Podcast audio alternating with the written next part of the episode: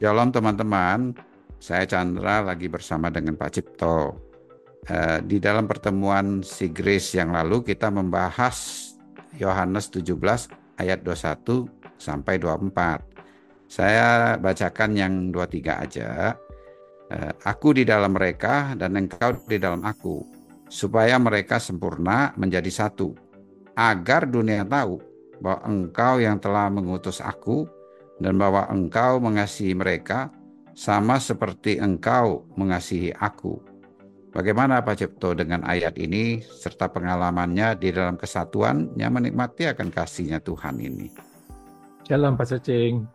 Jadi uh, ini ayat uh, sangat memberkati ya. Uh, waktu hari Rabu malam kita sharing ini saya uh, jadi teringat tentang uh, di dalam dunia usaha itu di mana saya bekerja di dalam usaha itu sering ada benturan kepentingan antara uh, pemilik, pengurus, sama uh, sama pekerja, sama buruh ya.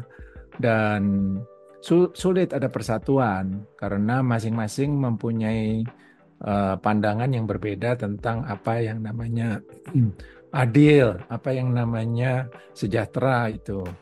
Jadi kalau ditengok dari pandangan pemilik kan dia uh, uh, punya tuntutan harus mempunyai satu dividen ya, satu penghasilan.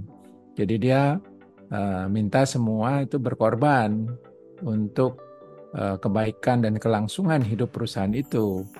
Uh, sedangkan kalau pengurus itu merasa uh, ditekan dari pemilik dan juga ditekan dari buruh. Uh, apa pun yang dia lakukan kadang-kadang merasa tidak cukup ya memuaskan pemilik bahkan dan uh, buruh sekaligus. Jadi dia merasa terjepit ya uh, dan juga si buruh itu merasa dia uh, diperas. Sedangkan kan kebutuhan hidup itu kan uh, hidup di Jakarta atau di Indonesia sekitarnya itu uh, makin hari itu kan makin tinggi biayanya. Jadi kok pemilik dan pengurus tidak peduli sama dia. Nah, jadi uh, walaupun ada acara pertemuan yang cukup sering, tapi sulit ditemukan satu persatuan yang sejahtera, yang damai begitu. Dan saya sebagai yang terlibat di situ juga merasa terjepit ya. Sepertinya tidak ada jalan keluar karena ini uh, uh, tiga kebutuhan yang berbeda tiga uh, antara pemilik, pengurus dan pekerja. Nah, dan ketika saya tercerah dan dari ayat ini ada satu kata yakni adalah kasih bahwa Bapa itu mengasihi mereka, Tuhan itu mengasihi mereka, Tuhan Yesus itu mengasihi mereka, termasuk dan terutama saya yang ada di tengah-tengah mereka.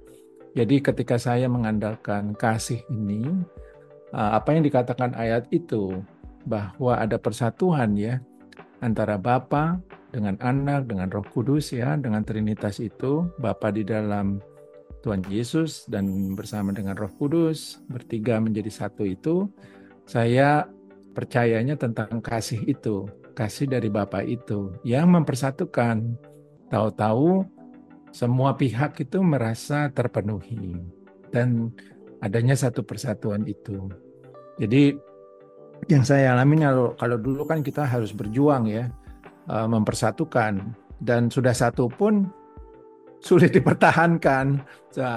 Adanya persatuan seperti koalisi gitu ya.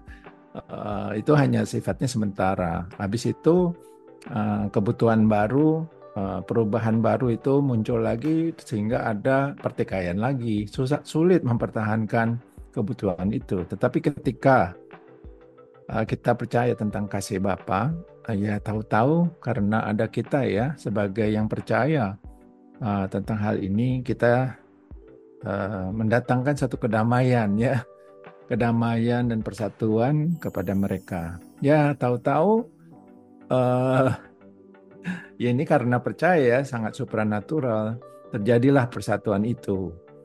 Uh, dan itu saya alamin juga di keluarga nih Pak Suci biasanya kalau di keluarga itu uh, ada sepertinya semuanya bersatu tapi akhirnya ada perbedaan pendapat mau liburan ke mana gitu ya, simple aja gitu mau liburan ke mana aja bisa bisa menjadi satu diskusi yang tidak enak ya, karena masing-masing itu uh, mempunyai kebutuhan yang berbeda. Ada yang satu mau tetap di uh, di kota gitu, ada yang satu lagi enggak, kita harus ke tempat ini atau kita harus mendapatkan itu kalau lagi liburan karena mereka membanding-bandingkan kan tentang apa yang baik dan apa yang buruk. Dan, jadi masing-masing mempunyai satu kebutuhan yang sulit terpenuhi uh, semuanya. Bapak, ibu, sama anak-anak itu uh, mempunyai satu kebutuhan yang berbeda. Sepertinya ada gap gitu ya, ada gap antara uh, komunikasi gitu, uh, sehingga nggak enak. Akhirnya kan frustasi menjaga persatuan itu.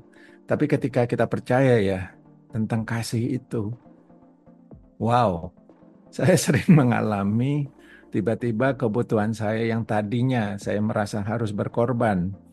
Ya kalau disuruh berkorban ya sekali-sekali ya bisa kita berkorban ya, tapi kalau terus terus menerus kan nggak bisa.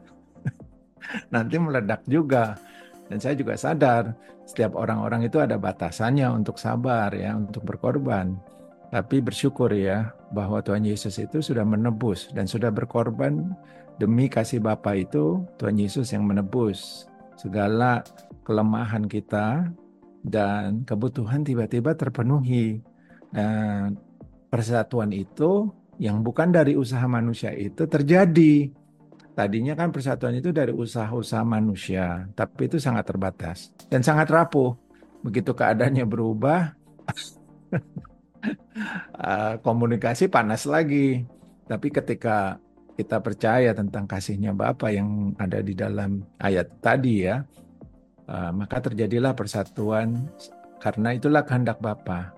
Ada persatuan seperti ada persatuan Trinitas itu, Bapa, Putra dan Roh Kudus. Demikianlah demikianlah kita mendapatkan karena percaya kepada pengorbanan Tuhan Yesus yang sudah selesai itu, damai sejahtera itu, persatuan itu, sukacita itu diberikan kepada kita.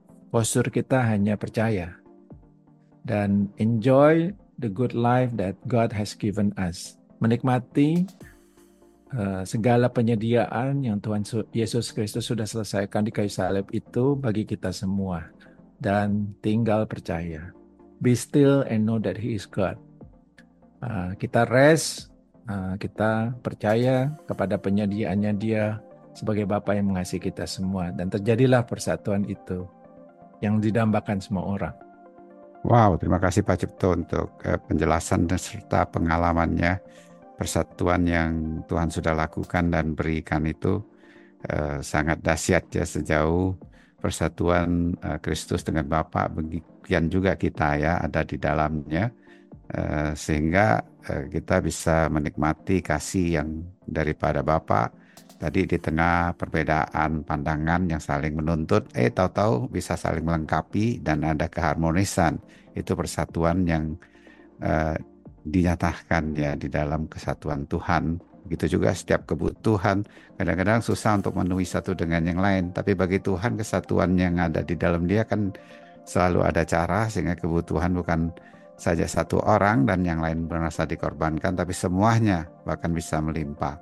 Terima kasih Pak Cipto untuk uh, penjelasannya, pengalamannya. Biarlah semakin lagi orang-orang boleh menikmati akan persatuan Tuhan dengan kasihnya yang melimpah di dalam kehidupan setiap kita yang percaya kepada dia. Sampai ketemu lagi dalam pertemuan Sigris berikutnya. Tuhan memberkati.